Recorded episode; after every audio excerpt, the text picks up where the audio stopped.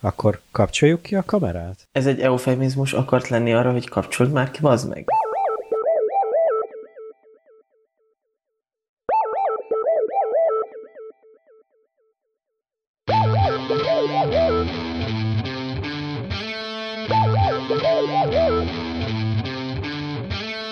Üdvözlöm a kedves hallgatóinkat és követőinket, ez a Nem Uncsi Tesók 33.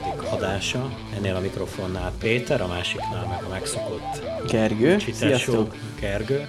Mára is hoztunk kettő darab témát, illetve mielőtt ezeket ismertetnénk az elkövetkező jó néhány percben. Elmondom, hogy rengeteg platformon elérhettek minket, illetve reflektálhattok a hozzászólásainkhoz, vagy a véleményünkhöz.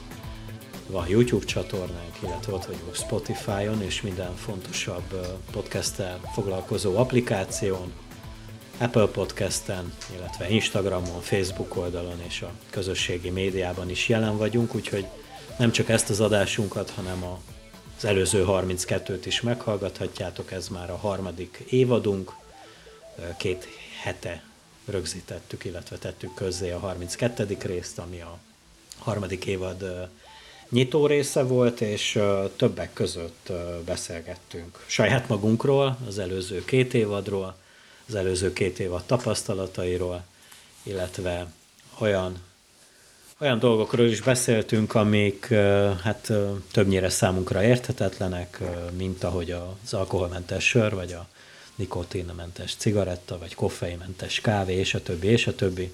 Úgyhogy ér- érdekel. hát most konkrétan csak az elmúlt részről szerettem ja, volna beszélni. Ja, igen, Zambó Jimmyről is beszélgettünk, de az még valamikor a második azt Nekem között. megmaradt az a része, hogy számunkra érthetetlen dolgok. Ja, ja, értem, értem. értem. Igen, igen, így, így, így viszont rendben van a dolog.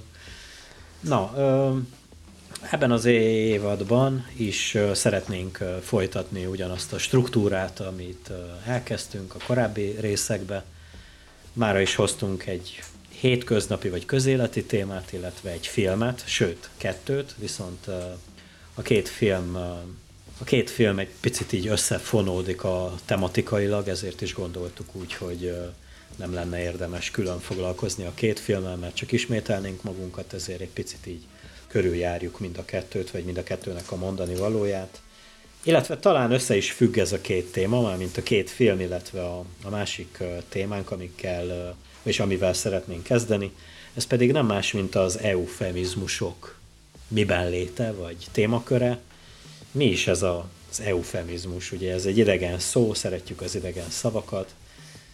Nem találtam, nem találtam olyan meghatározását ennek, hogy eufemizmus, ami egy szóban, már mint egy magyar szóban meg lehetne határozni. Nem is nagyon definiálható, ugyanakkor milyen érdekes, én előbb-utóbb vártam ezt a témát. Vártam és nem vártam, ugyanis azt hiszem ezt eloptad be, az eufemizmusokat. Aha. Ugyanakkor már az első műsortól kezdve, vagyis az első műsorból vágtad ki azt a szlogent, amivel, vagy azt az intrót, amivel indul a műsorunk, hogy ez egy eufemizmus volt arra, hogy kapcsolj már ki, az meg. Az eufemizmus tulajdonképpen, ha, ha nagyon szabatosan akarod megfogalmazni valakinek, akkor egy bizonyos ö, élesebb dolog, vagy nem annyira könnyen politikailag kifejezhető, vagy po, bocs, politikai, politikai korrektséggel nem könnyen kifejezhető ö, dologról beszélsz, akkor ennek az élét veszed el, vagy ezt teszed PCV.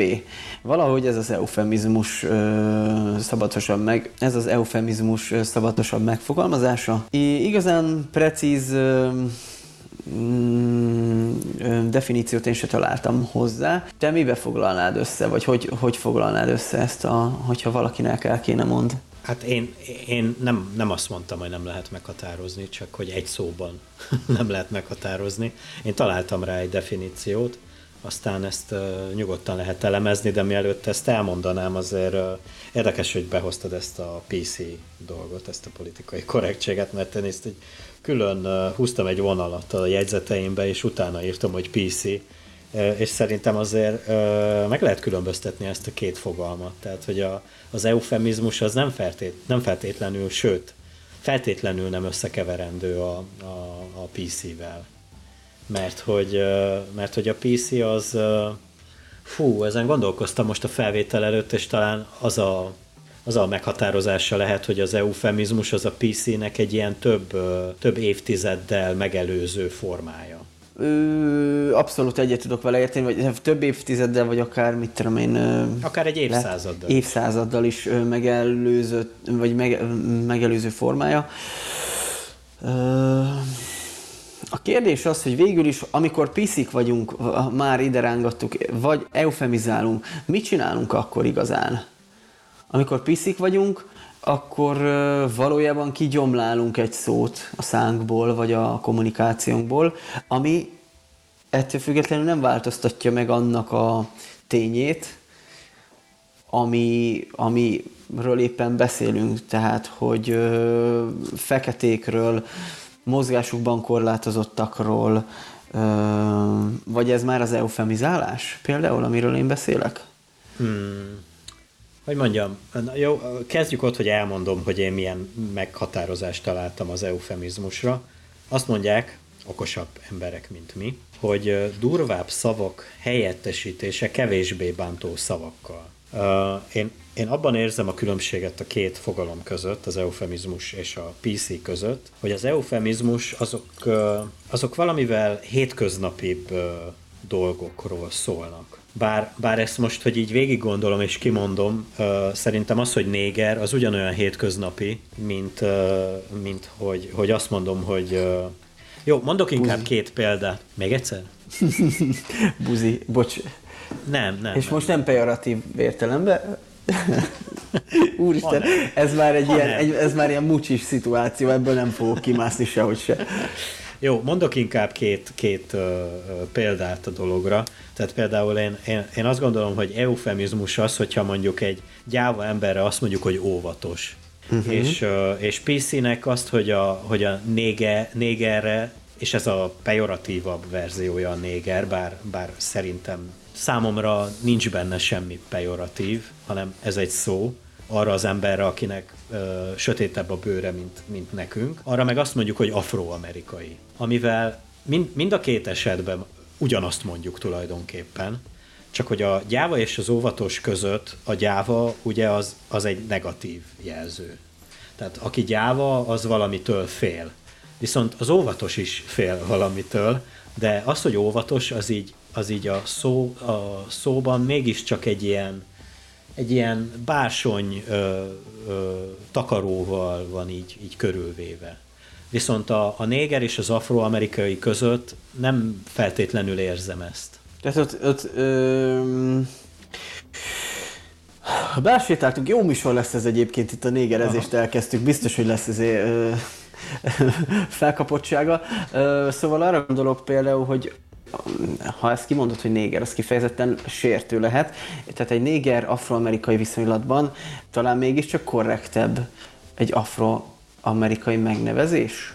Míg, nem. míg a gyáva és óvatos viszonylatban az egyiket úgy körbebástyázom párnákkal, hogy a gyáva nehogy mikor megbotlik, akkor megüsse magát? Figyelj, ö, szerintem, szerintem a, a, a PC példában a néger ugyanúgy nincs miért megsértődjön azért, mert én négernek hívom, viszont, viszont van ez a kurzus, aki ezt, ezt így kitalálta, és hát forgalomba helyezte, hogy mondjam így, és elfogadtatta a négerrel azt hogy, azt, hogy ő megsértődjön azon, hogy ő néger, viszont mikor két néger az egyikre azt mondja, hogy néger, akkor viszont nem sértődik meg. Tehát az, hogy, az, hogy a négernek uh-huh. azt mondjuk, hogy afroamerikai, azt, azt én kell mondjam, mint, mint fehér ember. Fehér ember. Viszont, viszont, hogyha ő ezt így elmagyarázza nekem, a néger azt, hogy én nem hívhatom őt négernek, mert én fehér vagyok, nekem viszont nincs jogom az, azért megsértődni, hogy ő, hogy ő lefehérez. Uh-huh. Uh-huh. Mondjuk, mondjuk, hogyha én tényleg gyáva vagyok, és, és én ezt tudom magamról, hogy gyáva vagyok, akkor, akkor nem tudom, hogy mennyiben segít a, az én hétköznapjaimon az, hogy, hogy nem gyávának hívnak, hanem óvatosnak. Illetve, hogyha én néger lennék, és négernek hívnak, nem tudom, hogy az mennyiben változtatja meg, vagy befolyásolja az én hétköznapjaimat, hogy nem négernek hívnak, hanem afroamerikainak. Hát egy gyenge hasonlatot tudok idehozni a saját példámból, például, hogyha túlsúlyosként, vagy erős csontozatú kisgyerekként azt mondjak rád, hogy te kövér vagy, vagy elhízott, vagy hájas, akkor biztos, hogy, hogy befolyásolja a mindennapjaidat az, hogy téged hájasnak hívnak, vagy erős csontozatú, vagy kis vasgyúrómnak. Bár megint, de én most kifejezetten eufemizmus, tehát ez eufemizálásról beszélhetünk, amikor azt mondjuk a túlsúlyos kisfiúra, hogy erős csontozatú, egy kis vasgyúró. Biztos, hogy befolyásolja minden napjaidat. Igen, igen, ezt a South Parkból is megtalál, megtanulhattak, ugye, mikor Eric Cartnerre azt mondták, hogy dagadt, akkor, akkor megsértődött, viszont ha az édesanyja azt mondta, hogy Erik, te nem vagy, nem vagy kövér, hanem erős csontozatú, azzal már úgy valahogy megbékélt, tehát az, arra már nem nagyon voltak szavai.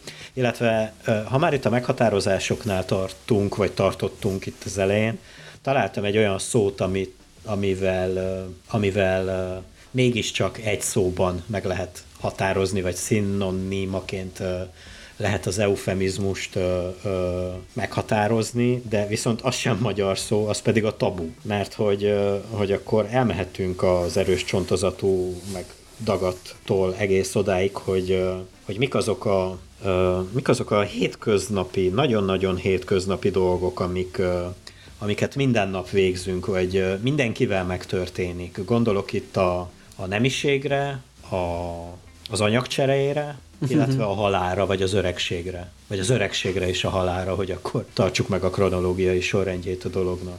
Tehát, hogy, hogy, ezek, hogy ezek olyan természetes és uh, hétköznapi, mindennapi, mindenki életében előforduló dolgok, amiket, amiket megtanultunk, vagy megtanítottak minket eufemizálni, mert nem azt mondjuk, akár vagy tabuként kezelni? Vagy tabuként kezelni, igen, de akkor, akkor ugyanazt mondtuk el tulajdonképpen. Tehát, hogy, és ez, és ez ugye függ attól is, hogy a barátnőddel, az anyáddal, a jó haveroddal, egy, egy közelebbi társasággal, egy munkahelyi társasággal, szóval, hogy érted, így, így próbálom távolítani a, a, az embereknek, az alanyoknak a közelségét. Tehát, hogyha a feleségednek azt mondod, hogy kimegyek szarni, de mondjuk a, annak a távolabbi kollégának, ismerősnek nem fogod ezt mondani. És ez, és ez már annyira beleépült a, a, a, a beszédünkbe, hogy akármennyire nem vagyunk nem vagyunk gátlásosak ezt kimondani, azért, azért mondjuk a főnöködnek nem mondod azt, hogy kimegyek szarni, hanem, hanem kimegyek a kábelt fektetni. Nem, nem, ezt sem mondod. Ezt Igen, sem ezt akartam kérdezni, hogy ez például már eufemizálása a szarásnak, Persze. hogy elmegyek hát, kábelt fektetni? Vagy ez várjál. már kontextus függő? Ez már slang, szerintem.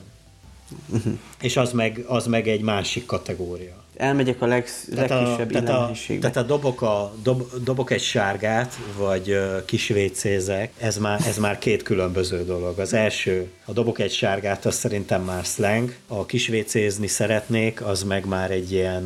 Uh, Elmegyek kis dolgomra, egy ilyen távolságtartó, uh, igen, igen, igen, pontosan.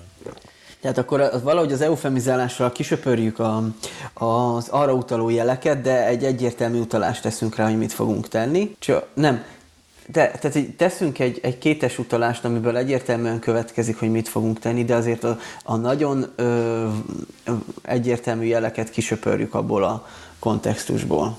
Igen, igen, és ez nagyon érdekes, mert uh, amióta megbeszéltük, hogy ez lesz a téma, uh, nem tudatosan, viszont belesétáltam egy olyan helyzetbe, hogy az elmúlt napokban itt volt egy közeli barátom, beszélgettünk, és mielőtt elment, azt mondta, hogy mielőtt indulok, kimegyek pisilni. És nem, kur, kurvára nem éreztem azt, hogy ebben bármi zavaró lenne. Tehát egyáltalán, ja, és a, az illető egy hölgy volt. Uh-huh. Vagy, bocsánat, egy nő, vagy egy lány. mert, hogy, mert hogy talán ez is ilyen ez is ilyen nagyon modoros megnevezése egy Mennyi idős volt? Embernek, hogy, hogy pontosan velem egyidős, tehát 38 ja, éves akkor, volt a hölgy. Akkor eufemizáltál most. Igen, most kurvára belesétáltam ebbe a dologba, de hogy, de hogy, tehát, hogy egyáltalán nem éreztem ezt, illetve ugyanúgy, ugyanúgy valószínűleg nem kaptam volna fel a fejem, hogyha azt mondta volna, hogy Peti, használhatnám a mosdóhelységet? Tehát, hogy nem tudom, tehát, hogy ezek, ezek szerintem annyira hétköznapi dolgok, hogy, hogy felesleges ezeken, ezeken rágódni. Viszont uh, maradjunk még, a, még az anyagcserénél? Maradjunk, persze. Jó, tehát ott a WC, ugye, amit mi uh-huh. átvettünk az angol uh, water closetből, ami ugye, hát így nyersen lefordítva egy ilyen uh, vizes, vagy hát vizes helység tulajdonképpen. Aha. Bár. És hogy, és hogy már manapság már ez is, uh, ez is durva a kifejezés, hogy megyek a WC-re. És hogy, de hogy ez, mit tudom én, hogyha visszaemlékszem 30 évvel ezelőtt, ez tök hétköznapi volt. Manapság meg már nem hallod ezt így ennyire, tehát már mosdó, már illemhelység, már, már, már próbáljuk min, minél, minél ilyen, uh, ilyen, ilyen lepedő könnyűségűre uh, uh, csiszolni ezt a szót. Amúgy eze, bocsánat, ne feled szabad, amit akartál mondani, de hogy ezzel kapcsolatban van egy ilyen kis történetem, hogy az egyik cimborám, a Lennon cimborám egyszer az akkori barátnőmnek úgy próbálta elmagyarázni, hogy ő, hogy ő szeretne húgyozni egyet, akkor mondjuk ezt így ki, hogy azt mondta, hogy, hogy megyek, meglátogatom a Washington klubot. És akkor... De, ez, ez, de ezt most nekem mondaná valaki, fogalmam se lenne arról, hogy ő most WC-re megy, vagy pisülni. Jó, de, jó, de hogy ez is, ilyen, ez, is ilyen, ez is ilyen tabus dolog, hogy egy számodra nem idegen nőnek, de mégiscsak a fele barátodnak, a hozzátartozójának így próbálod így szintén ilyen básony szőnyegbe belecsavarni azt, hogy mész kicsavarod a gyíkot, hogy akkor megyek ide egy szlenget is, tehát hogy és ez szerintem amúgy tök jó, meg tök alternatív dolog, de viszont ez is ide tartozik, tehát ugyanebbe a tabú vagy eufemizmus kategóriába. Vagy akár határozzuk meg, akár ez egy slang is lehet.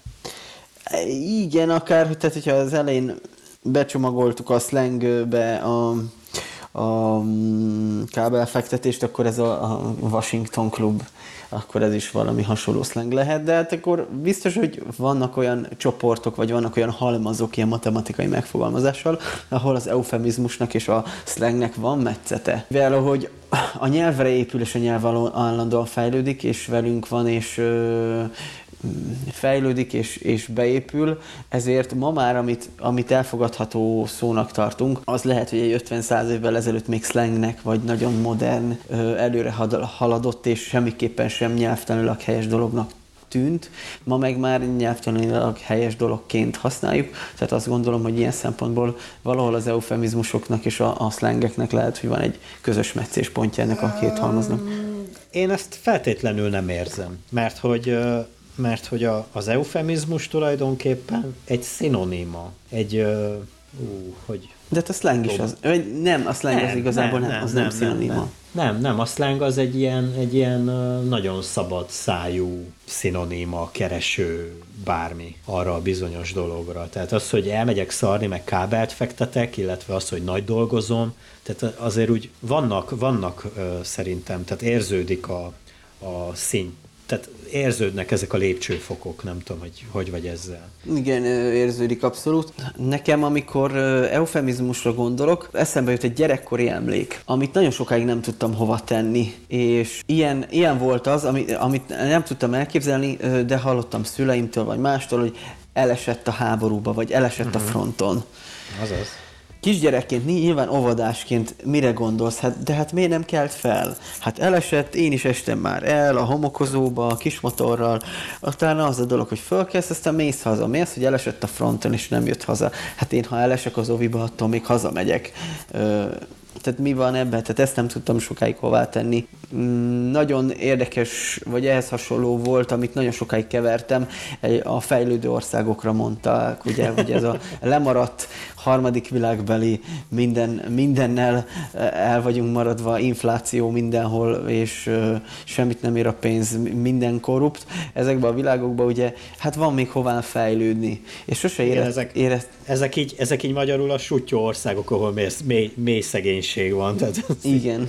és nem tudtam hová tenni, például emlékszem, ez általános iskolában nekem problémát jelentett, az, hogy fejlődő országok, hát az ugye arra gondolsz, hogy akkor nagyon fejlődik, és akkor ilyen egy Svájc, de nem, Svájc már fejlettnek számít, vagy Németország már fejlettnek számít. Ezek például Meg akár Magyarország, vagy Románia is az, tehát, hogy... Igen, igen, mármint, hogy fejlődő, igen. Nem.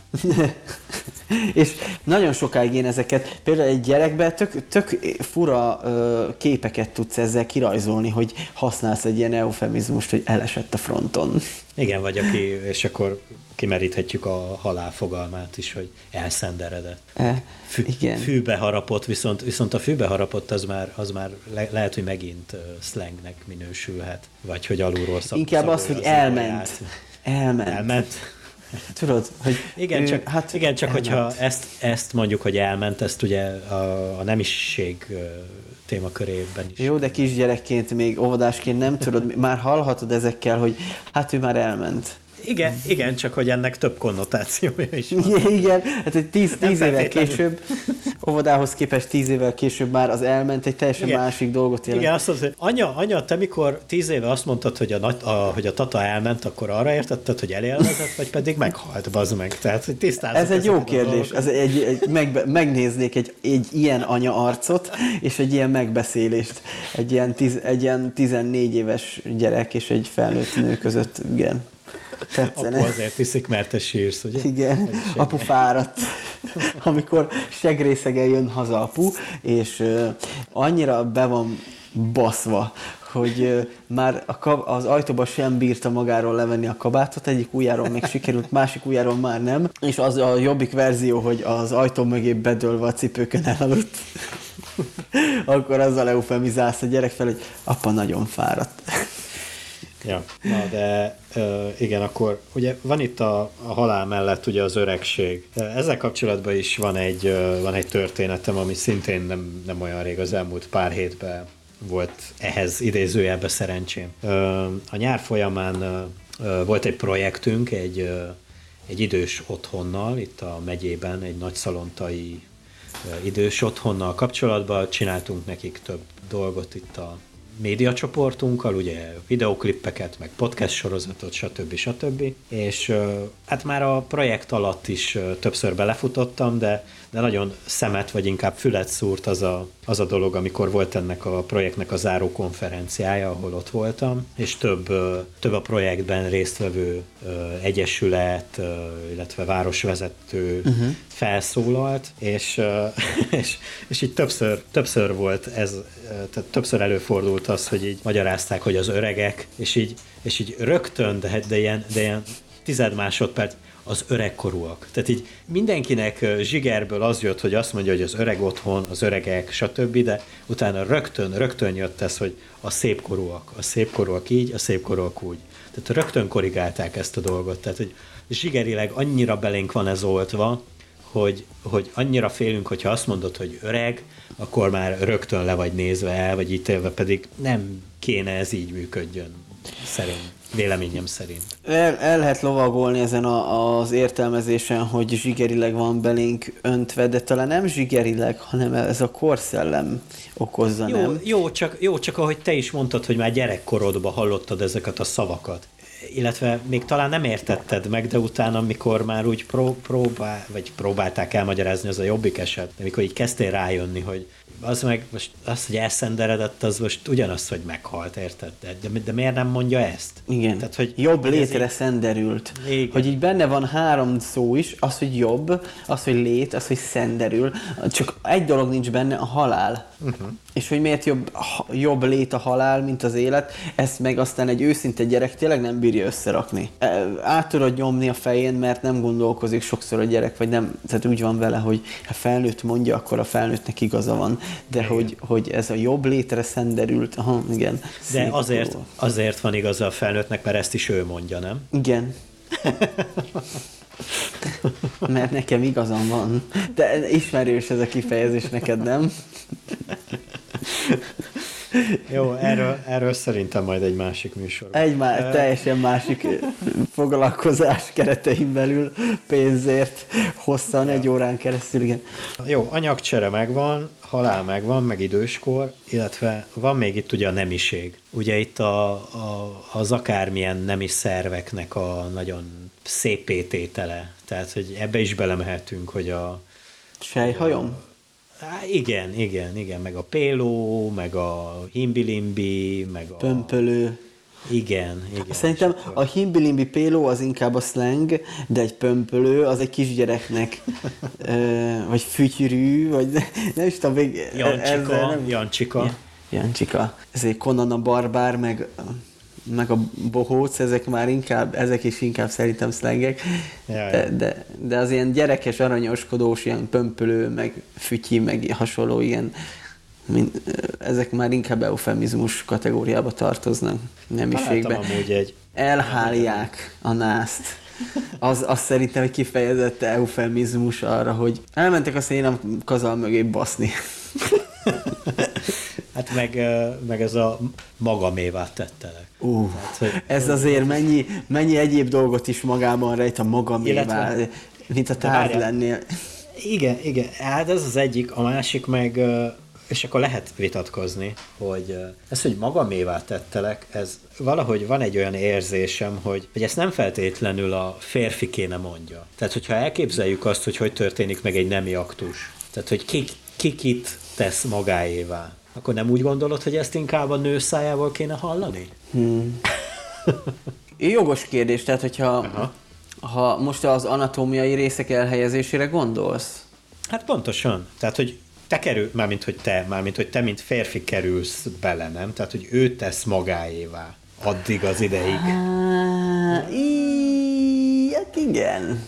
Uh-huh. Besétálsz egy udvarba. Ha a fizikai részét nézzük, a fizikai anatómiai részét nézzük, akkor simán mondhatja a nő is. Vagy most itt akkor beillesztünk egy ilyen, egy ilyen felhívást, hogy kedves hallgatók, ö, nyugodtan jelezzétek kommentben, hogy szerintetek a magáévá tesz, az kinek a szájából kéne elhangozzon a női, vagy a férfinek a, a, a, a női szájából, vagy férfi szájából hallatszik ez, vagy hangozhat el hitelesebben. Uh-huh. Ö, én azt Illetve- gondolom, hogy... Igen, mondjad. Igen, illetve? Ne, nem, mondjad, mondjad, majd aztán mondom. Azt gondolom, hogy ez kicsit olyan, mint ma már, ma már könnyen azt mondjuk, hogy nincsenek, mondjuk egy párkapcsolaton belül, vagy egy összeköltözésen belül nincsenek ilyenek, hogy férfi meg női feladatok mert hogy mindenki keres pénzt, mindenki tud főzni, mindenki be tudja tenni a mosást a gépbe, mindenki ki tudja vasalni a saját ruháját, mindenki meg tudja teríteni az asztalt. Nem az van, hogy hazahurcolott talicskával a pénzt a nőnek, a nő megvezeti a háztartást, meg beosztja a pénzt, és akkor bevásárol, hanem hanem mindkét fél mindent intéz. Épp ezért ugyanúgy elmosogatsz, ugyanúgy megfőzöl te is, hogyha arról van szó, és nem mutogatunk egymást, hogy ez a te dolgod lenne, nem ez a te dolgod lenne, hanem megcsinálja az a fél, akinek éppen van rá ideje, és ki tud jönni ebből. Ugyanígy akkor a szexen belül simán mondhatjuk azt, hogy a magáévá tesz sem már egy ilyen kizsákmányolós, vagy egy ilyen kisajátítós, tárgyasítós dolog, hanem ezt mindkét fél mondhatja egyrészt fizikailag is, másrészt meg, ha az érzelmi részét nézzük, a romantikus szálat, hogy amikor azt érzed, hogy nagyon-nagyon szerelmes vagy, és akkor ó, tiéd vagyok, vagy, vagy, vagy te az enyém vagy, akkor, akkor igazából a magamévá teszlek, az megint mindkét fél szájából tökre hitelesen hangozhat. Így van, mondják, és tehát mondhatják is, és mondják is, nem ezzel van a vitám, csak hogy értetted az, a- hogy, hogy, hogy mire gondoltam úgy tulajdonképpen, illetve hogyha már ezt így mondod, akkor, és hogyha már itt a dugásnál tartunk, akkor az sem hiteles, mikor egy nő mondja, hogy dugtunk. I- Tehát, hogy, tehát, hogy szerintem, szerintem Igen, tehát igen. Az aktus azért- közben, az aktus közben, tehát ha egy férfi és egy nő végzi ezt, egészséges esetben hozzáteszem, akkor Új, új, új, új, új. Tehát hogy, e, tehát, hogy ebben az esetben a férfi dugja a nőt, nem? Hát a férfinak van egy olyan része, amit eldug a nőben egy időre. Uh-huh. És, és a nő azt magáévá teszi. Azt elrejti. Ú, azt hiszem, hogy szerintem kibogoztuk ezt a, azt a, az értelemzavaró dolgot. Itt helyre kerülnek. Hallgassatok minket, hiszen az eddigi téfiteiteket mi nagyon szépen kibogozzuk és helyre rakjuk. Két hetente a megvilágosodás csúcsára viszünk. És akkor... Keressétek az anótot, a nem uncsi tesók, és már ebből is uh, tudható, hogy nem uncsi tesók. No, um, találtam az eufemizmusok jelenség mellé egy olyan másik uh, fogalmat, hogy kakofemizmus. Nem tudom, hogy te ezzel találkoztál. Találkoztam, igen. Jó. Ö, Én ideírtam magamnak a jegyzeteimbe, hogy ezt ö, mi ennek a meghatározása, viszont példák nem jutottak eszembe, és a műsor felvételéig viszont nem volt időm azzal foglalkozni, hogy utána nézzek, hogy, hogy mondjunk erre példát, de talán vagyunk annyira, annyira frappánsak, hogy most itt a felvétel alatt ö, sikerül erre példát találni, vagy ebben a műsorban legalábbis. Tehát a kakofemizmus az a használható semleges kifejezés helyett durvább szó alkalmazása. Tehát most, most ahogy ezt így kimondtam, így most az jutott eszembe, hogy ö, ahelyett, hogy azt mondom, hogy most leteszem ezt a poharat, akkor azt mondom, hogy odabasztam az asztalra ezt a poharat, nem? Talán ez így. Odabasztam azt a szart. Aha, aha. És akkor már rögtön ö, két szót is kicseréltél sokkal valami durvábbra, csak értelmetlenné vált a mondat, de igen, ez a... Viszont az értelme nem változott meg, nem? Csak adtunk egy hangsúlyt az egész tevékenységnek, egy ilyen Hát, hogy odabasztam a szart, és hogy letettem a poharat, azért megváltozik az értelme, de mindenképpen érzed azt, hogy valami sokkal indulatosabb viszonyról van szó. De Tehát vitatkoznék azzal, hogy megváltozott az értelme. Inkább a hangsúlya változott meg, nem?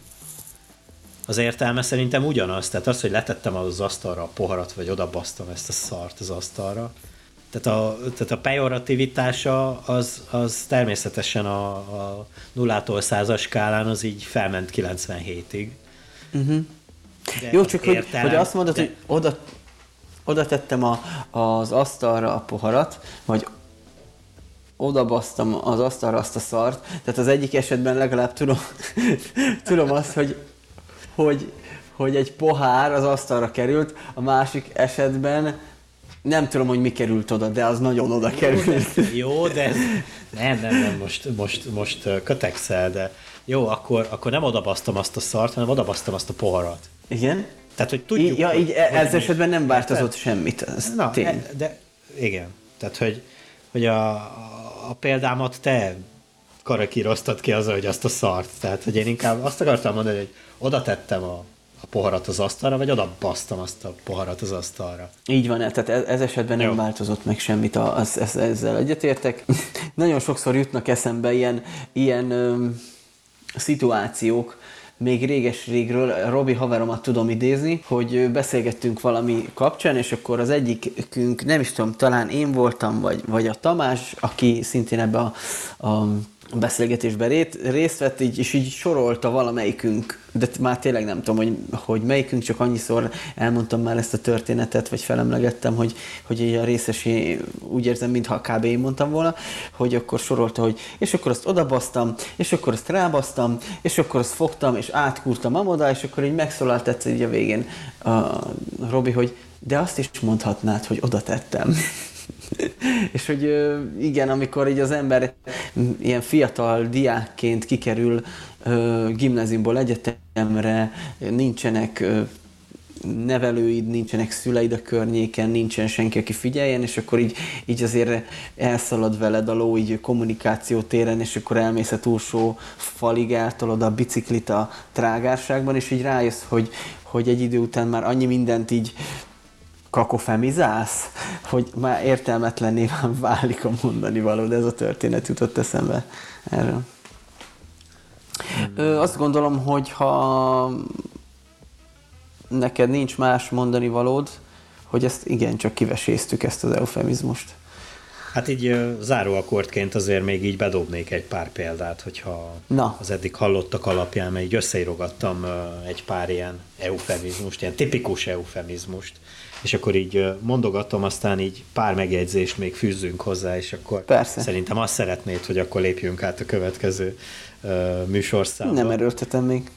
Jó, tehát uh, írtam olyat, hogy törtető, ez, ez ugye ilyen nagyon pejoratívan hangzik, viszont ha azt mondjuk, hogy ambiciózus, az már, az már ilyen tök, tök elfogadott is ennek. Az már le, van, le van kerekítve, egy fejem rongyol le van tehát, Igen, igen, meg egy ilyen pozitív hangulatot ad az egész. Tehát az, aki ambiciózus, az semmiképpen nem törtet. Tehát zárjuk ki ezt a fogalmat, hogy törtető.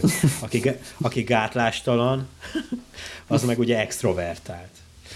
És uh, ugye mind a két esetben ez az ambiciózus, meg az extrovertált, ez tulajdonképpen egy, uh, egy idegen szóba van csomagolva, és ettől rögtön kap egy ilyen, uh, egy ilyen pozitív hatást.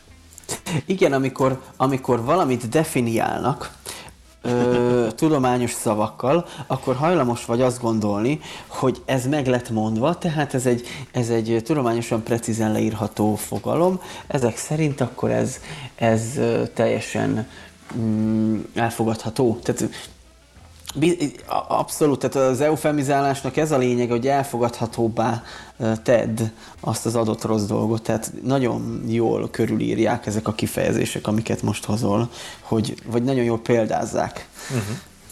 Aki kapzsi, ugye az, ta, az takarékos.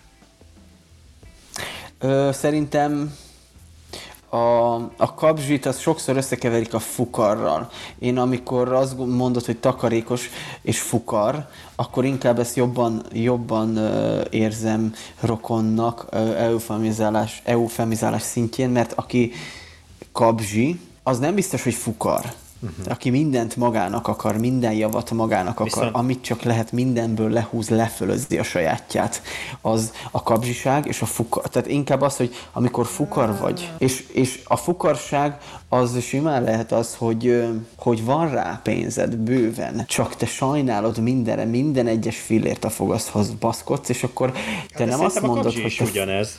Tehát a kapzsi is mindenből megpróbálja úgy alakítani a dolgot, hogy ő jól járjon, mármint pénzügyileg elsősorban. Az biztos, az biztos csak, hogy aki fukar, az szerintem, hát most így megfogtál, lehet, hogy bele kéne menni egy, egy definiálásos ilyen bármibe, nyelvészkedésbe, ebben most nem akarok, de értem, igen, hogy lekerekítjük itt is, hogy én nem kapzsi vagyok, én fukar vagyok. Most nem kapzsi vagyok, hanem takarékos. Jó, csak figyelek a... a javaimra ugye a munkanélküli, ugye az elég, elég, elég negatív előjelű szokott lenni, viszont aki állát, állást keres, az már mégis kereső. A... Tartós álláskereső. Van ilyen Igen. kifejezés a, a, a munkaügyi ö, szférában, tehát vagy, vagy ezzel kapcsolatos szférában, hogy tartós éppen, álláskereső. Éppen, éppen két munkahely között vagyok. Uh-huh. De, de hogy Négy az éve. Páros, de hogy az egyikből páros lábbal rúgtak ki, a másik meg. Nem kellett. Nem látom, hogy az egyikből páros lábbal rúgtak ki, a másik helyekre meg nem kellek, és négy éve vagyok ö, álláskereső, tartós álláskereső. Igen, hát talán nem aki, za, aki zabál, az ugye gurman, vagy ínyenc. ínyenc. Én ínyenc vagyok. Hangzik. Igen, igen. Így csorog le a szaft mind a két uh, szájszéléről. Könyöködik, folyik be az ébe a zakó alá. Pont az a szó jut eszembe, hogy gurmé. Jó, aki, aki mondjuk, mondjuk egy buliba azt szoktuk mondani, hogy emelkedett a hangulat, az tulajdonképpen azt jelenti, hogy ordinári, drágább, faszok, ittas faszokkal van tele az a kibaszott szoba. Vagy a hangulat ugyanolyan szinten van, mi, mi estünk be az asztal alá. Igen. Illetve, illetve ide írtam még magamnak azt, hogy uh, ugye van ez a, ez a fogalom, hogy életművész, ami, amire találtam két másik megfelelőt is talán a, talán a naplopó az a, az a trágárabb dolog, ami, aminek az életművész az eufemizmusa, és ezek a személyek azok, akik az életiskolájába jártak. Nekem volt olyan ismerősöm, aki az élet iskolába, já, iskolájába járt, ahol az Isten a tanár, azóta azért leérettségizett, és az van kint a Facebookján, megszerzett egy-két képesítést. Nem akarom elmondani, hogy hány éves, de fiatalabb azért, mint 40, de tök jó, hogy, hogy azért ez azért valamennyire leírja, nem, hogy ez az életiskolája, ahol az Isten a tanár, ahol ott végzett, vagy ott, ott egy, egy érettségi után már el lehet jutni arra a szellemi szintre, hogy felfogod, hogy ez mekkora ökörség. Most meg kéne val- valahogy úgy gondolom, Valahogy úgy gondolom, hogy aki, aki ezt mondja, hogy az életiskolájába tanul, az nem feltétlenül az érettségit jelenti. Most nem, nem hanem azt gondolom, hogy én nem, én azt értem ez alatt, hogy aki egy érettségit már letett, annak eljut odáig az agya, hogy ezt, hogy az életiskolájába jártam, ezt úgy levegyem legalább Facebookról, hogy ezt ne hirdessem, ja, jó, hogy ennyire jó, hülye voltam valaha. Uh-huh. Igen, igen, igen. Tehát nem, az, nem ez, hanem hogy tehát egy, már egy érettségi elég ahhoz, hogy ettől a kijelentéstől megszabadulj egy életre. Uh-huh. Na hát még ott a zabál, illetve ínyenc kategóriához még oda csapnám a finnyás és válogatós, tehát a finnyás ugye az ilyen, hát így, így, így kicsit hülyén hangzik, meg, meg, meg, meg, meg nagyon negatívan, viszont az, hogy válogatós, és megnézem, hogy mit juttatok a szervezetembe, kérlek. Az már, az már teljesen elfogadott. Mondjad. Nem tudom, hogy a finnyás és a válogatós között melyik a pejoratívabb. A finnyás. Igen? Szerintem. Hát igen. Te miért a válogatós? Hát az válogatós. A válogatós az, az annyival előkerül, hogy ő megteheti. Az ki, így van, így van, így van. A ő legjobb megteheti. tudása szerint választja azt ki, ami neki jó. Ez jó kérdés, mert szerintem mind a kettőn, mind a kettőnk bele, be tudunk ebbe, vagy be, vagyunk ehhez a, a finnyásság válogatáshoz közel, nem? Ezt mm-hmm. lehet azt mondani, vagy most itt mm-hmm. szétszpoilerezlek, vagy, vagy nincs igazam? Mm-hmm. Én magamra azt tudom mondani, hogy én nagyon sokszor mondom ma már, hogy válogatós vagyok, pedig most már nem igaz annyira rám, mint régen. Ezzel, de... ezzel tökéletesen tudok azonosulni én is. De azt tudom mondani, hogy a válogatás az egy olyan dolog, vagy finnyásság, hogy amíg megteheted, hogy válogatsz, addig miért ne tennéd meg? Mert ha eljön a háború, és nem lesz kenyér, és a földet fogjuk enni, akkor ott már úgysem lesz választásod. Ott úgyis a földet fogod enni, meg a, a, a, a lombkoronáról le fogod enni az, a zöld ágakat. Bocsánat, De... korrigálnálak, mi az, hogy eljön a háború? Hát itt. Ó, itt a, itt a, szomsz, a Space-ban van már, tudom. Hát Konkrétan, még, igen. Még hál' Istennek nem érezzük a bőrünkön a, a, a szúró ö, fogát, meg a, a vérszagot, csak, csak látjuk az interneten, ez folyik 0-24-ben ránk, de ha tényleg egyszer úgy eljön, hogy, hogy hanyat fekszik a hátfal és el, eldől a, szikla, a, a, szilvafa, akkor ott, ott nem lesz választásod. De amíg megteheted, hogy válogatsz, miért ne tennéd meg? Na és uh, záró akkordként uh, ideírtam még magamnak azt, hogy felelőtlen és bátor, ezek szintén uh, egymás uh, eufemizmusai, és talán ehhez kapcsolódik még az a dolog, hogy, uh, hogy ugye a magyar néplélekben van az a történet, ugye még valamikor 1000, 1100, 1200 évvel ezelőtt, ugye mikor, uh, hát van, ugye úgy, úgy szokták emlegetni, hogy a kalandozások kora. Mikor így elkezdtek lovagolni ott Európa nyugati felére, és így... Most miért lovagolsz ezen a kifejezésen ennyit? Felgyújtották, vagy felégették ott, ott egész közép, illetve Nyugat-Európát, és hát... Ez egy jó kaland. Akkor, igen, igen, igen. Hát mikor mit csináljuk, az mindenképpen. Viszont igen. ha erre jönnek ugyanazok, vagy talán még keletebbről errefele, azt simán lemigrásozzuk, ugyebár. Határa hagyjon meg. És azt már, és azt már nem nézzük olyan mondjam, elfogadóan, mikor ugyanúgy magáévá teszik az asszonyainkat, mint ahogy mi tettük ott. Még a javainkat, akkor már nem érezzük akkor a kalannak, mint ahogy mi csináltuk ezelőtt egy 1200 évvel. Rögtön megváltozik a kalannak a, az előjele. Ez ugyanaz a kaland, csak ellenkező előjellel. Igen, mikor mit csináljuk, az tök fasz, amikor velünk csinálják, akkor már magukévá tesznek. Igen. Na és akkor áttérve a mai másik témakörünkhöz, ami a megszokott filmes rovatunk. Ugye a műsor elején elmondtam, hogy valamilyen szinten kapcsolatban van a két téma, mégpedig ugye a, a, az eufemizmusok témakörében felsorakoztatott időskor talán az, ami a kapocs lehet a, az előző témánk és a mai két filmünk között, ugyanis két filmet is hoztunk, aminek hasonló a, a témája, és úgy gondoltuk, hogy nem kéne külön foglalkozni velük, hanem akkor, akkor már úgy csináljuk, hogy mind a kettőről beszélünk. Aki érzékeny a spoilerre, vagy a spoilerre, az mindenképpen nézze meg előbb a filmet, és utána hallgassa meg a véleményünket erről a, erről a két filmről, ami, ami névszerűleg a, az egyik a Still Alice, vagy megmaradt Alice-nek, ez Igen. elég furcsa a magyar fordítása számomra. A másik pedig az Iris, ja, bocsánat, a megmaradt Alice-nek, vagy Still Alice, az egy 2014-ben bemutatott amerikai filmdráma, illetve az Iris, a, ennek is tettek természetesen egy magyar alcímet, egy csodálatos női elme. Ez egy 2001-es, hát ha jól tudom, ez, ez viszont angol, vagy brit mozi. Tehát, hogy van 13 év különbség a két film között, viszont tematikailag számunkra hasonlónak tűnik. Beszéljünk a Still Alice-ről. Igen, ja. nagyon jó, hogy ezt mondod, és ezt nem is beszéltük meg. Én az Iris láttam hamarabb, egy kurzus kapcsán fontos volt ezt megnézzük, és ehhez képest a Still Alice-t mint amerikai filmet, de mégis azért, azért fontos szerintem a témában megemlíteni, mert Independence, tehát ö, teljesen indie filmről van szó.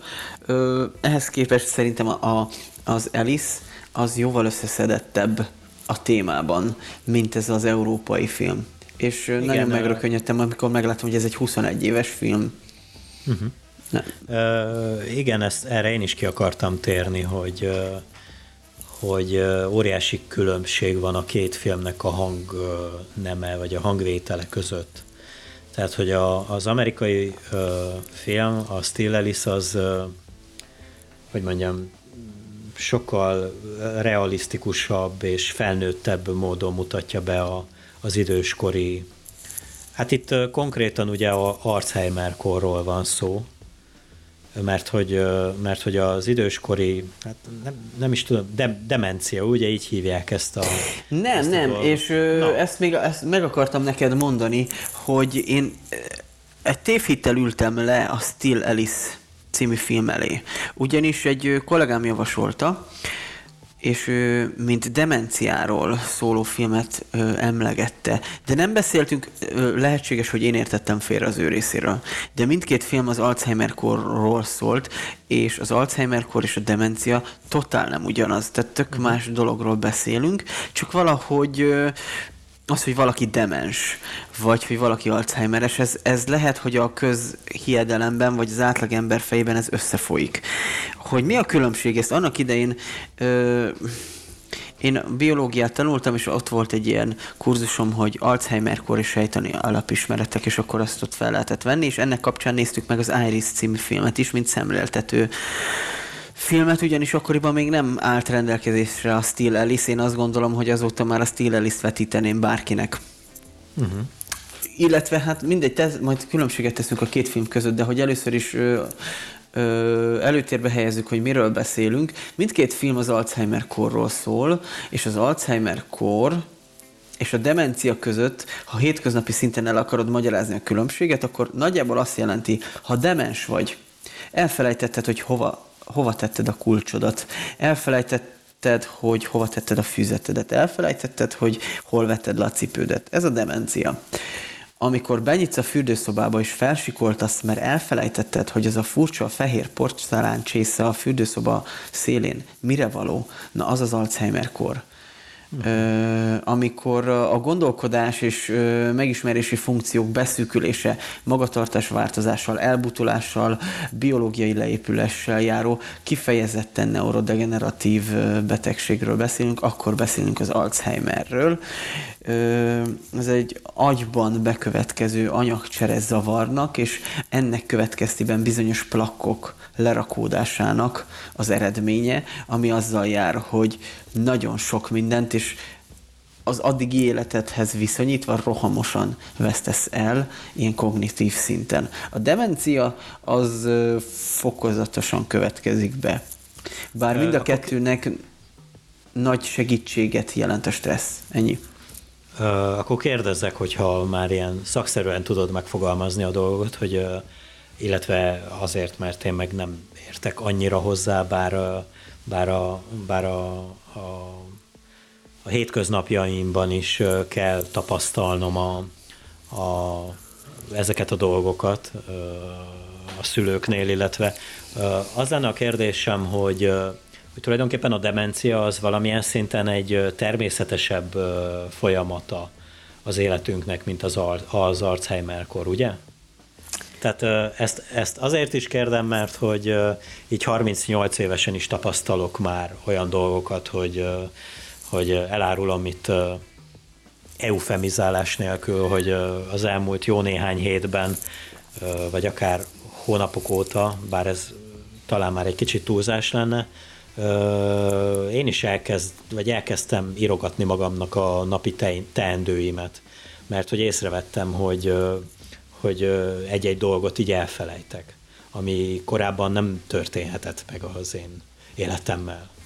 Én azt gondolom, hogy te 38 évesen, bár hogyha hozzáveszünk a mindennapjaidat, amiről beszéltél, vagy említést tettél az előbb. Van mindkettőre esélyed. Annak idején ezen a kurzuson nekünk azt mondta a nem tudom, elmondhatom el a nevét, de szerintem nem titok, hogy dr. Datki Zsolt tartotta ezt a kurzust, és ő akkor a Szegedi Tudományegyetemnek a, az Alzheimer kutatásában nagyon előrejáró kutatóorvos volt, és ő azt mondta, hogy a mi gyerekkorunkban, és ezt ránk értette meg magára, nem volt egy túl idős csávó, tehát mi voltunk ilyen 19-20 évesek, ő lehetett egy ilyen 30 pitty éves ö, ö, orvos. Azt mondta, hogy a mi korunkban a, az, hogy valakinek a nagyszülője Alzheimerrel szenved, az egy ilyen idézőjelesen csodaszámba menő, vagy legalábbis ritka betegségnek számító dolog volt. Viszont mivel minket annyi inger ér életünk során, ez, ugye szoktuk mondani, hogy, hogy minket nagyjából egy hónap alatt ér annyi inger, mint 400 évvel ezelőtt valakit egy egész élet alatt ez nagyjából az inger viszonyítási különbség, és ehhez az emberi test nem ilyen ütemben, nem ilyen rohamosan alkalmazkodik, ezért azt mondhatjuk, hogy amekkora stressz minket ér, akár kemikáliás stressz. Most nézd azt, hogy, hogy milyen anyagok között dolgozik egy ö, egy, egy benzinkutas. Nézd azt, hogy egy zárt térben dolgozó fodrász mennyi kemikáliát szív fel 8 óra alatt.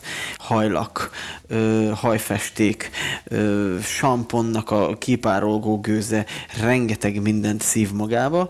Ö, tehát ezek a fajta stresszek, amik érik az ember, tehát nem feltétlenül azt jelenti, hogy izgulsz egy vizsga előtt, hanem, hanem inkább az, amit, ami hatással van rád. Hogyha egy vegyi üzembe dolgozol, ha egy fodrászatban dolgozol, ha te töltőállomáson dolgozol, de akkor is, hogyha iszonyatos magas öm, öm, ö, idegrendszeri stressznek vagy kitéve, annyira gyakori manapság, hogy majd, ha mi megöregszünk, már mint most te meg én ö, viszonylatban beszélünk, az lesz a fura, ha valaki nem lesz Alzheimeres.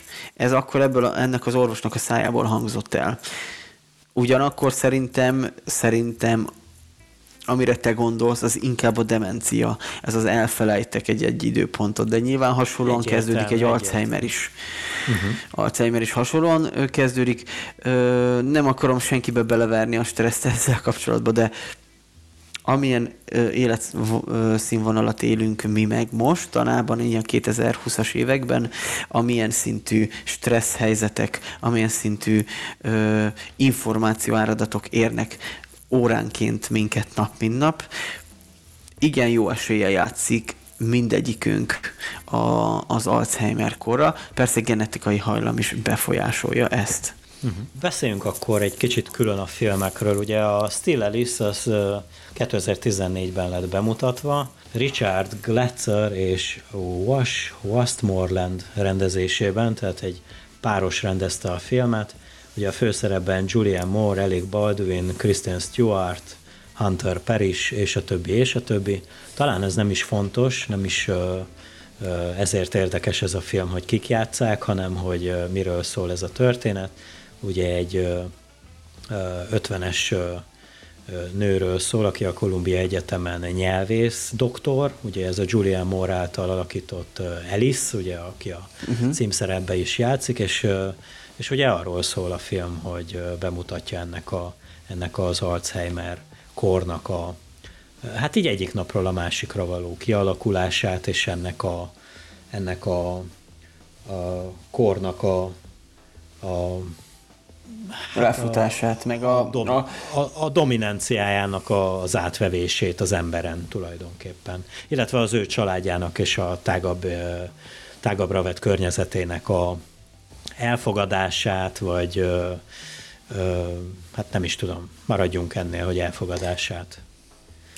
Ö, igen, még ide lehetett volna rángatni egy hasonló témájú filmet, a, a Szerelem és más drogok, az is ugyanilyenről szól, de de mármint ugyanígy az Alzheimerről szól.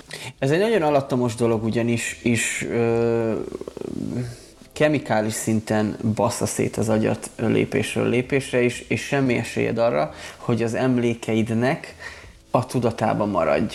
Ö, nagyon alap dolgok maradnak meg, tehát olyan kialakult reflexek, mint a légzés, pislogás, nyelés, emésztésnek a, a fontos részei, de minden más, ami, ami a kognitív funkciókat érinti, gondolkodás, gondolkodás részeként a kommunikáció, nyelvi elemek, ez mind, mind sajnos nagyon brutál módon épül le az emberben. A Steel Alice című filmben ott egy kifejezetten speciális eset tehát mutatnak be, tehát ott egy, hogy is mondják ezt, hogy milyen kifejezés, korai lefutású, uh-huh. vagy vala, korai lefutású, és, és szerintem, szerintem az is lehet, hogy nem teljesen precíz a szinkron, mert szinkronosan néztem meg, hogy talán gyors lefutásúra uh-huh. értik a, azt az Alzheimer verziót, aminek De ezt kifejezetten... érthetik arra is talán, hogy, hogy nem feltétlenül 50 es nőknél kezdődik ez, vagy most a nemet nem... Igen, nem. igen, igen, idősebben tehát, kezdődik ez. Tehát az hogy,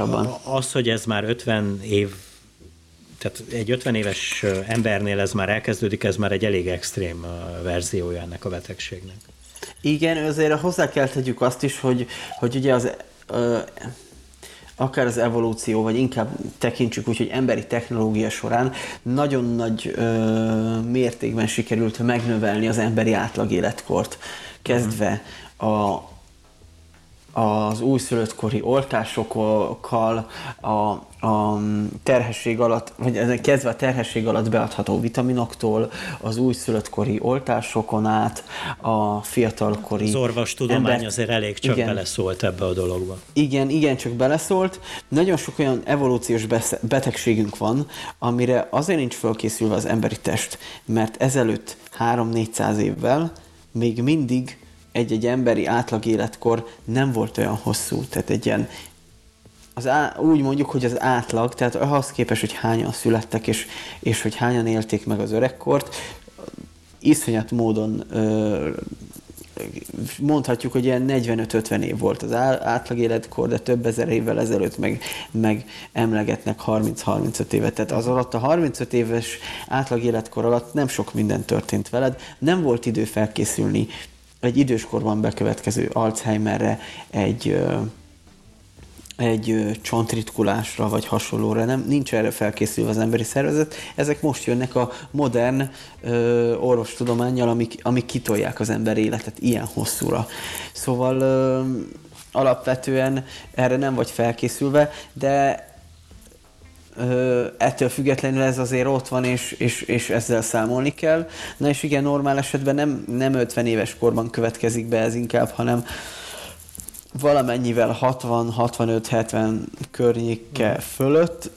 Ettől függetlenül, hogy a Still Alice egy ilyen nagyon speciális lefutású betegség következett be. Still Alice az nekem sok, sok mindenben zavaró ö, filmcímadás, ugyanis főleg, hogyha hozzáveszik a magyar ö, verzióját, ugyanis az illető nem maradt meg Elisznek, tehát ne, ne éljen bennünk ö, ennek kapcsán egy ilyen tévhit, hogy az illetőnek a személyisége az sajnos ebben a betegségben feloldódik, mint egy pesgő tabletta egy pohár vízben.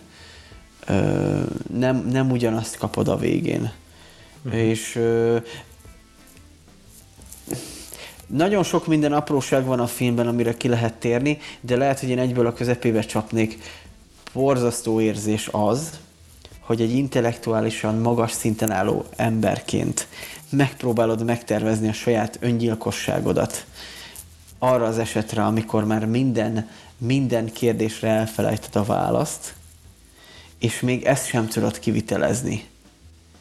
Másodpercről másodpercre élsz, és ö, van az a filmben ez a jelenet, egyrészt rögzíti a főszereplőnk, az Alice Holland, akiről, aki a főszereplő, rögzít egy videót a későbbi énjének, hogy kedves Alice, én te vagyok, és hogy elmagyarázza, hogy milyen betegségbe szenvedés, hogy már nem tudod úgyse a kérdésekre a választ, légy szíves, menj fel az emeletre, van egy komód, komód tetején egy kék lámpa, kihúzod az első fiókot, benne van egy doboz gyógyszer, ezt mind vedd be. És negyedjére sikerül a főszereplőnek, miután már olyan szellemi szinten van, negyedjére sikerül fölmenni az emeletre, de akkor már viszi magával a laptopot, amin megtalálta a videót véletlenül, és és már negyedjére megy vissza az emeletre a laptopostul, és mikor bevenni a gyógyszert, valaki beállít a lakásba az ápoló, és ilyettében elejti a, a teljes doboz gyógyszert, és nem tudja, hogy miért van ott. Abban a másodpercben elfelejti, hogy miért jöttem ide. És borzasztó pokoli szar lehet, amikor megpróbálsz erről az egészről leválni, de erre sem vagy képes, mert olyan alapszintre leesett minden funkciód. Tehát ez olyan, nagyon tehetetlenné tesz. És ehhez képest így csatolnék akkor a, az Iris című filmre. A kettő film között azért annyi különbséget tennék, hogy míg a Stillelis nagyjából azzal foglalkozik, hogy hogy milyen ennek a betegség lefutása úgy mindennapi szinten, az Iris inkább arra koncentrál, hogy mi ez a hatalmas mennyiségű ö, intellektuális info, amit a nő napról napra elveszt. Míg itt kicsit inkább a, a alapvető szerint, tehát nehéz összehasonlítani olyan szempontból, hogy az egyik inkább amerikai film, a másik európai film, és akkor abban is minden benne van ebbe az európai ságban, még akkor is, hogyha kicsit keszekusza, ott van a, a, a rokonjának, az egyetlen köze, hozzá közel álló embernek a, a, a vívódása ugyanúgy, hogy, hogy a szeretlek minden percben melletted álloktól átmegyünk a gyűlöllek, utállak, senkit sincsen már, csak én maradtam. Ö, de e, e között libikókázik az, az ő egyetlen rokona, de mégis azt érzem, hogy a, a Stillelisben arról beszélünk, hogy, hogy hogy napról napra hogy épül le az illető, míg az Irisben az, hogy mi ez a hatalmas tudás, amit elveszített, mi ez a, a szociális háló, amit... Bocsánat.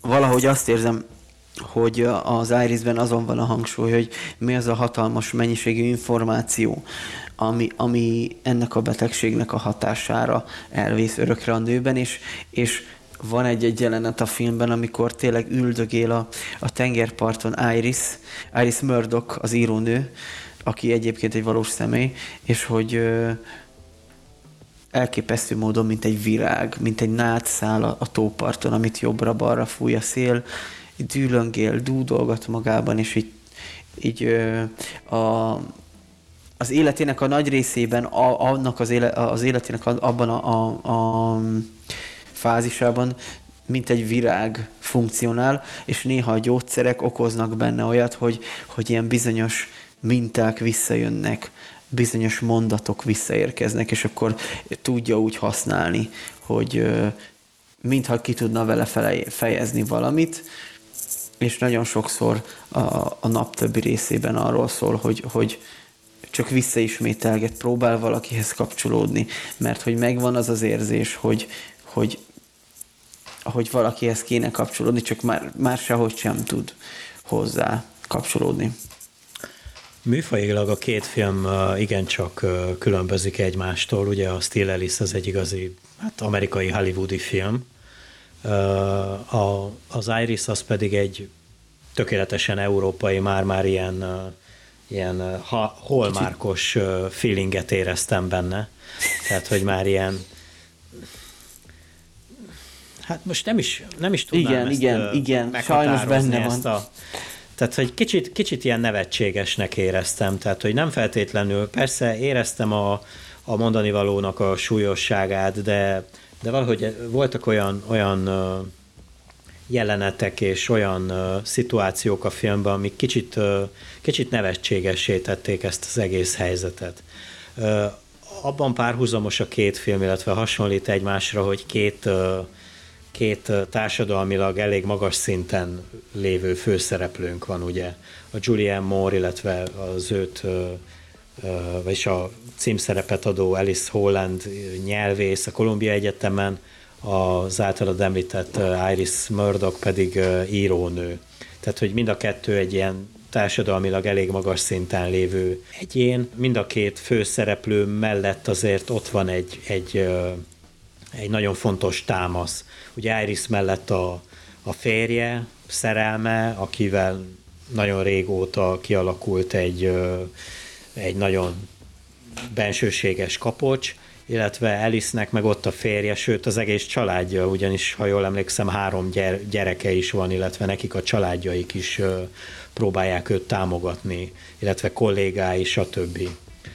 Szóval, hogy, hogy én például nagyon kíváncsi lennék talán ugyanerre a kontextusra, mármint ugyanerre a történetre, ugyanerre a konfliktusra, csak hogy egy más társadalmi réteggel, mert uh, szerintem ja. teljesen másképp működik egy uh, ennek a betegségnek a, a, nem is a kialakulása, hanem a, hanem a terebélyesedése, illetve lezajlása hogyha mondjuk egyedül vagy, vagy, hogy egy olyan, vagy ha egy olyan társad van, aki, aki ezt uh, teljesen életidegennek tartja, mondjuk gondolom ezeknek a szereplőknek is uh, a társaik ugyanígy gondolták, mert azért emlékszem a Still az Alec Baldwin által megformált férnek né- néhol-néhol a fejére, hogy, hogy nem tud mit kezdeni ezzel a szituációval, pedig ő sem egy, egy alsó osztálybeli valaki illetve ahogy te is mondtad, a, az Irisnak a párja, aki tényleg minden porcikájával ragaszkodik ehhez a nőhöz már évek vagy évtizedek óta,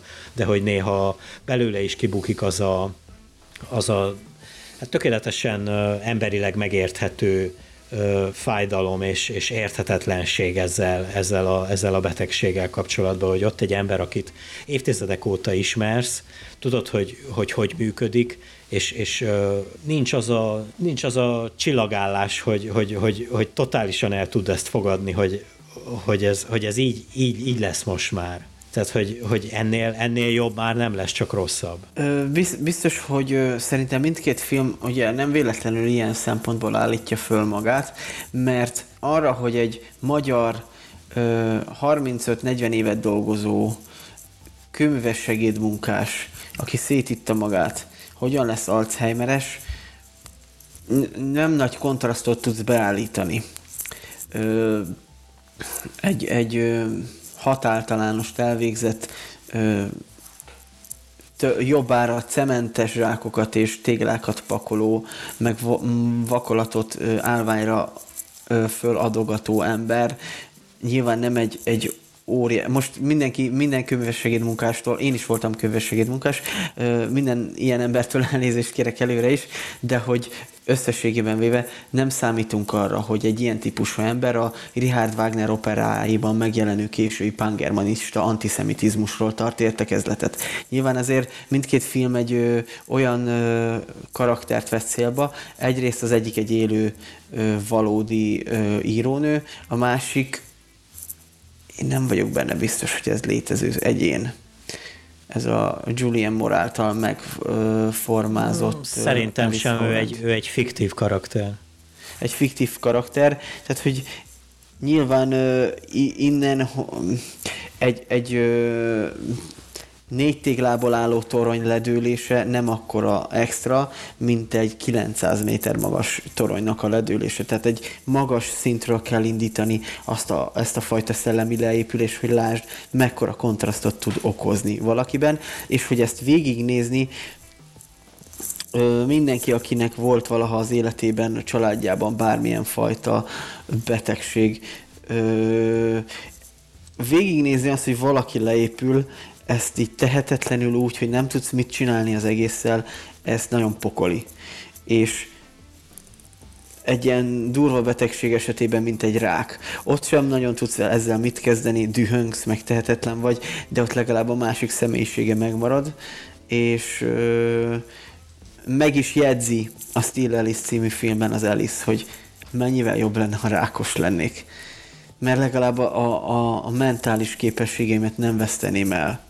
Tehát, hogy leépülök, hogy elvesztem a testem feletti kontrollt, az okés. De hogy a szellemi kontrollt vesztem el, hogy nem találok be a saját lakásomban, a WC-be, mert benyitok minden szobába, és ez sem a WC, és ez is a lányom szobája, az meg a nappali, meg, és, és addig keresem a WC-t, hogy bepisülek.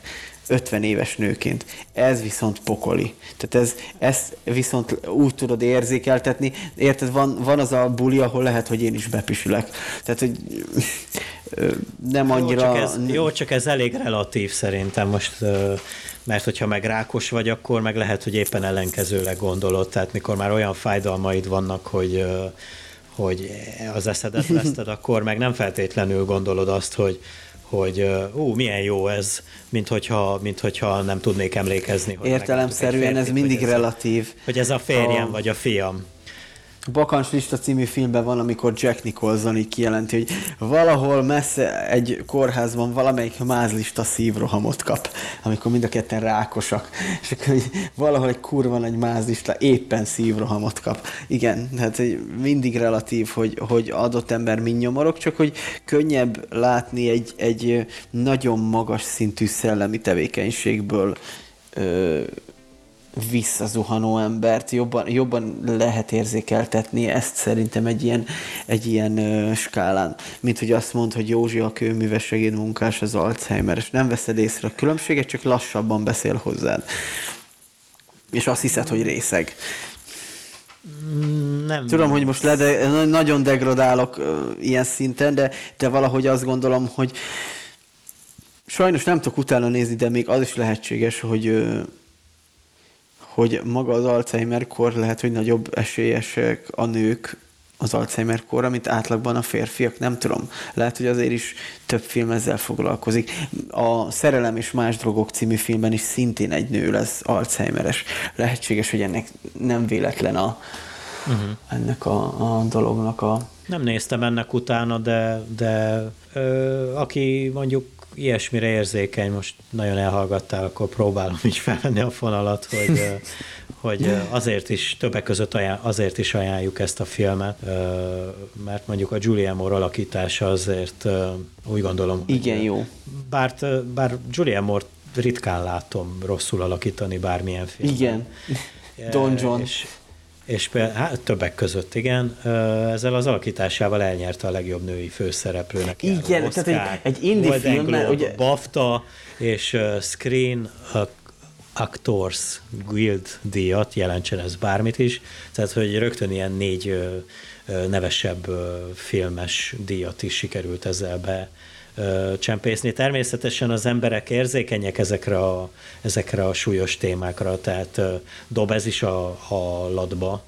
Tehát valószínűleg az általad említett Don Johnban alakított szintén jó szerepért kevésbé kapná meg ugyanezeket a díjakat. Tehát, hogy érted, hogy mit akarok mondani? Tehát, hogy Igen, kell, és kell ez a, is kell egy, a egyfajta is. vagy PC, vagy eufemizmus a dologgal kapcsolatban, de ö, kifejezetten jó alakítás, és ugye az elején mondtad, hogy ez egy hollywoodi film, de ez nem hollywoodi, ez indie film. Jó, akkor, tehát, akkor amerikai, na. Amerikai és ö, UK és Franciaország van benne ebbe az egészbe, csak annyi, hogy, hogy ez azért jelentőség teljes dolog, mert hogy úgy nyerte ezeket a díjakat, ezek nem jelölések, ezek megnyert díjak, hogy indie filmről van szó, nem pedig egy befolyásos hollywoodi producer, filmrendező, nagy nevű valakinek a, a mindennel ellátott, vagy mindennel, mindennel megtűzelt tevékenysége, tevékenységének az eredménye, nem a megfelelő PR, nem a megfelelő marketingnek az eredménye, ez a 4D, hanem ez kifejezetten egy indie filmben egy, egy színésznőnek az alakítása, ami, ami egész jó. Tehát jó, mondjuk nem, nem sok rosszat láttunk tőle. Hát, de ez az, hogy, hogy Julia Moore már maga egy olyan márka, hogy szerepelhet akár egy blockbusterbe, akár egy ilyen független filmbe, és tehát odafigyelsz. Tehát, hogyha jól emlékszem, én annó vissza valamikor 2015 magasságába, tehát jó hét évvel ezelőtt azért többnyire azt hívta fel a figyelmemet erre a filmre, nem feltétlenül a témája, hanem az, hogy Julia Moore meg Alec Baldwin játsza a főszerepeket, szóval ez is azért jelent valamit. Ez az az Alec Baldwin, aki nem olyan rég lelőtte a forgatáson az egyik színésztársát? Igen, igen. Vigyük hmm. át az egész műsort ilyen bulvárfasságba. ne, csak hogy a Baldwin testvérekből van egy pár. Nem, nem, van, vannak négyen, ha jól tudom, de azt hiszem, hogy az Alec Baldwinról lehet Jó, beszélni. Mert én ezt ne, nem bírom őket számon tartani. Hmm. Felesleges. Durva lenne négy férfit a számon tartani. Egyet is. Egyet is. Csak, megnyugtatlak, és ezt nem tapasztalatból mondom. Hanem Wikipédián olvastuk, ja. Szóval igen, igen. Nem tudom, mit akartál mondani. És... ja, jó.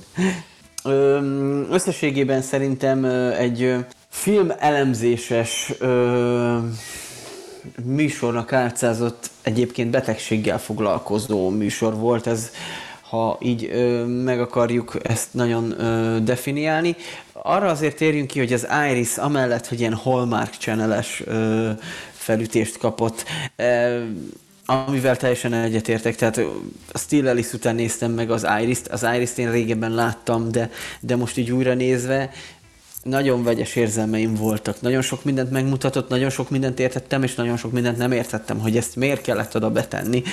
Uh-huh. De ettől függetlenül a, Judy Dench és a két Winslet alakítására azt kell mondani, hogy szerintem rohadtul jó volt. Még hogyha a dialógusok néhol nagyon ö, faramúcira felemásra lettek megírva, a színésziak alakítások nagyon jók, és, és talán ö, meg kell említeni azt, hogy aki a castingot csinálta e, ehhez a filmhez, az Irishez, az rohadt jól eltalálta mindkét színésznőt, a fiatalt is, és az időset is ehhez a, a, az Iris Murdoch megformáláshoz. Tehát kifejezetten én azt gondolom, hogy, hogy nagyon jó jegyeket beírhat magának, vagy nagyon szép piros pontokat beírhat magának ez a, ez a, a castingoló, aki ezeket összerakta. Uh-huh. Ettől függetlenül így is úgy is megmarad ez a Hallmark channel hangulata a filmnek. Erre mindenki készüljön, aki meg szeretné nézni, hogy nem nem tud akkor átszólni. Én nagyon sokszor ö, jutok erre a, a nézőpontra, hogy egy 20 évvel korábbi film nem tud akkor átszólni már 2020-as évekre. Tökéletesen egyetértek, és ha már egy a műfaj, mármint nem hogy a műfajról, hanem a magáról a filmek struktúrájáról, ugye a Still Alice az egy ilyen lineáris történet, tehát ugye megismerjük a szereplőket, és aztán eljutunk egy bizonyos pontig, viszont a, az Iris-ba ott ilyen flashbackekre építik a történetet. Tehát, hogy látjuk a jelent, az idős Judy Dench által megformált Iris Murdochot és a párját, illetve vannak ilyen visszaemlékezések szintjén működő flashbackek, ahol meg a, a fiatal két vészlet által megformált címszereplőt látjuk, illetve az akkori párját. Én, én, én ma vettem észre amúgy, hogy a, hogy a párját, már mint az Iris című filmben, a férjet alakító Jim Broadbentet, nek a fiatalkori énjét a fia játsza, Hugh. Ja nem? Nem, nem, nem, bocsánat. Ja, hülyeséget beszélek, ezt majd kivágom. Nem, hasonlított így első nézésre a nevük, és azt hittem, hogy ez jó. Ö, jó. Nem lett volna rossz. Én nekem az, az jutott eszembe annak a castingnak is a kapcsán, hogy aki a, ott is a fiatal, meg az idős színész kiválasztotta, az kibaszott rettenetesen, kiválasztotta. Rettenetesen hasonlítottak amúgy, szóval, hogy ezért én is volt a tréler alapján hogy... én azt hittem, hogy megoldották, hogy a csávó, a csávó az ennyire fiatal, és annyira szétmaszkírozzák időskorára, de nem, mert ez a faszi azt hiszem játszik a, a Felhő Atlasz című filmben. Ő. Most fejből nem mondom meg, nem, nem keresem meg ö, alapvetően, de én azt gondolom, hogy a, hogy a, az idős ö, férjet alakító csávó, az ah, a tényleg, című filmben uh-huh. kifejezetten szerepel, és uh, akkor is ez a casting, tehát na, na tehát van, van amikor a, egyszerűen a, a, te castingosnak adod oda az Oscar díjat, vagy a nem tudom én milyen díjat, de hogy iszonyatosan jól eltalálta a szereplőket, és nagyon, nagyon Tényleg ült... rettenetesen hasonlít a két figura, és jó, hát ez felvállalom a, a nem felkészültségemet, hogy, vagy csak így egy pillantást vetettem a két fickónak a nevére, és annyira hasonló, hát hasonló. A Broadbent és a Bonneville-re gondolsz. E, igen, igen, igen. Most, hogy így jobban átolvasom, így most már látom a különbséget, de így annyira megmaradt a, a filmet látva, hogy mennyire hasonlít az idős, illetve a fiatal szereplő, hogy, hogy így tudat alatt így rögtön bemagyaráztam itt magamnak, hogy ez a fia. De nem. Te is fiam Bonneville. ő volt a fiatalabbik karakter, úristen, ez, ez, ú, mibe játszik? Ez a... Mindegy, lényegtelen. Kivágjuk. Vagy kivágod.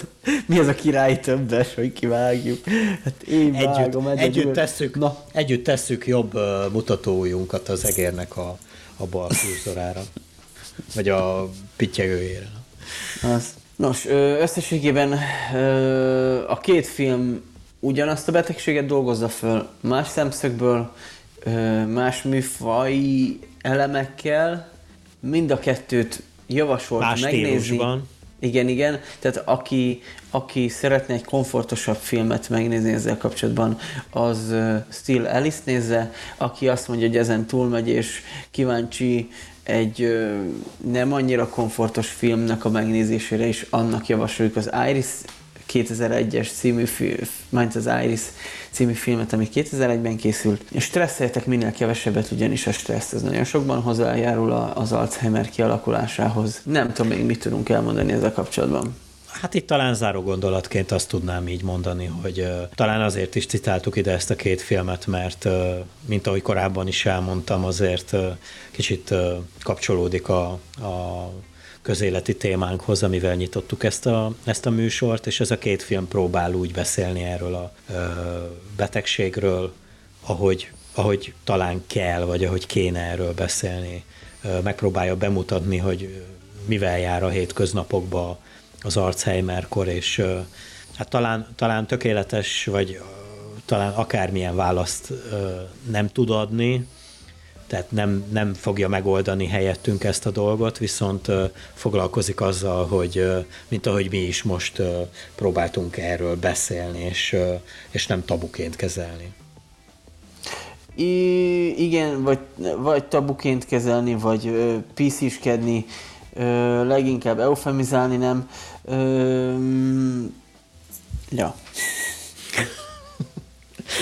Mindig bírom, mikor így felviszed a hangsúlyt, és azt hiszi itt mindenki, hogy, hogy még egy Most valami kurvára kifejtős, magvas gondolatot ide, és így, ja, így elfelejtettem, hogy mit akartam és így a hetedik, mondani.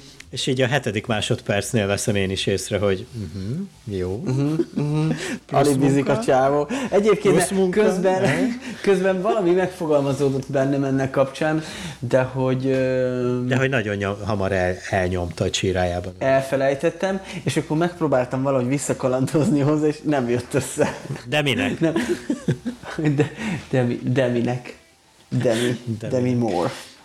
Jó. Uh, Na, mondjad, hogyha még van valami. Négy, öt, hat, hét. Jó. Erre uh, köhögök, hogy láss egy ilyen nagy píket, hogy azért honnan kell kivágni. Meg lesz, meg lesz. Szóval ajánljuk nektek, hogy nézzétek meg ezt a két filmet, mindenképpen azelőtt, hogy, hogy elspoilereztünk volna bármit is, de ezt a, ezt a filmes rovat elején úgyis felhívtam a figyelmet az érzékeny hallgatóknak, aztán írjátok meg nekünk a, a gondolataitokat azzal kapcsolatban, amivel egyetértettek, vagy legfőképp azzal, amivel nem értettek egyet a, a, a, azzal kapcsolatban, amit elmondtunk. Úgyhogy várjuk kommentjeiteket mind a YouTube csatornánkon, mind pedig Facebook oldalunkon, ott vagyunk minden podcastes platformon, illetve ott vagyunk Hol vagyunk még ott? Instagramon is. Instagramon. Amúgy működik az, az Instagramon? Tökéletesen. Á, zseniális, jó. Szóval iratkozzatok fel, lájkoljatok be, írjatok kommentet, hallgassatok minket, mi csak ezt tudjuk ajánlani. Kettő darab hét múlva, az már, ha jól számolom, október, hát nem közepe, de már hasítunk arrafele. Jövünk egy újabb adással, nem lövöm le a poént, hogy milyen témáink lesznek. Köszönjük szépen, hogy ma is velünk tartottatok, és, és vigyázzatok Sziasztok!